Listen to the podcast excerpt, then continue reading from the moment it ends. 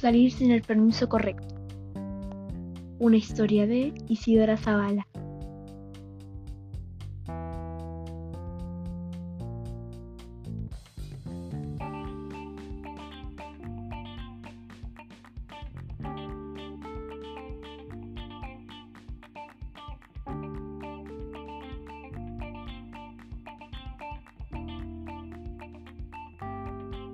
Un día, en la mañana, la señora Isabel y sus dos hijas, Sofía, de 8 años, y Alicia, de 13 años, estaban a punto de tomar desayuno. Y en esta ocasión serían unas tostadas mantequilla y jamón y un tecito.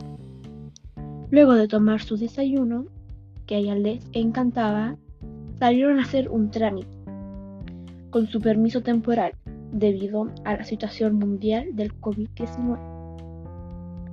Luego de terminar todos sus trámites, fueron al supermercado, pero sin el permiso correcto, porque el correcto es el permiso temporal para comprar insumos básicos. Por lo tanto, el guardia no les, del super no les permitió ingresar. Entonces la señora Isabel tuvo que sacar otro permiso para poder entrar.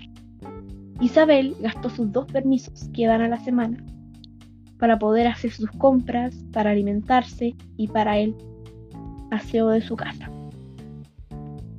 Isabel no tiene mucho dinero, pero hace lo que puede para poder alimentar a ella y a sus hijas, ya que es una gran madre.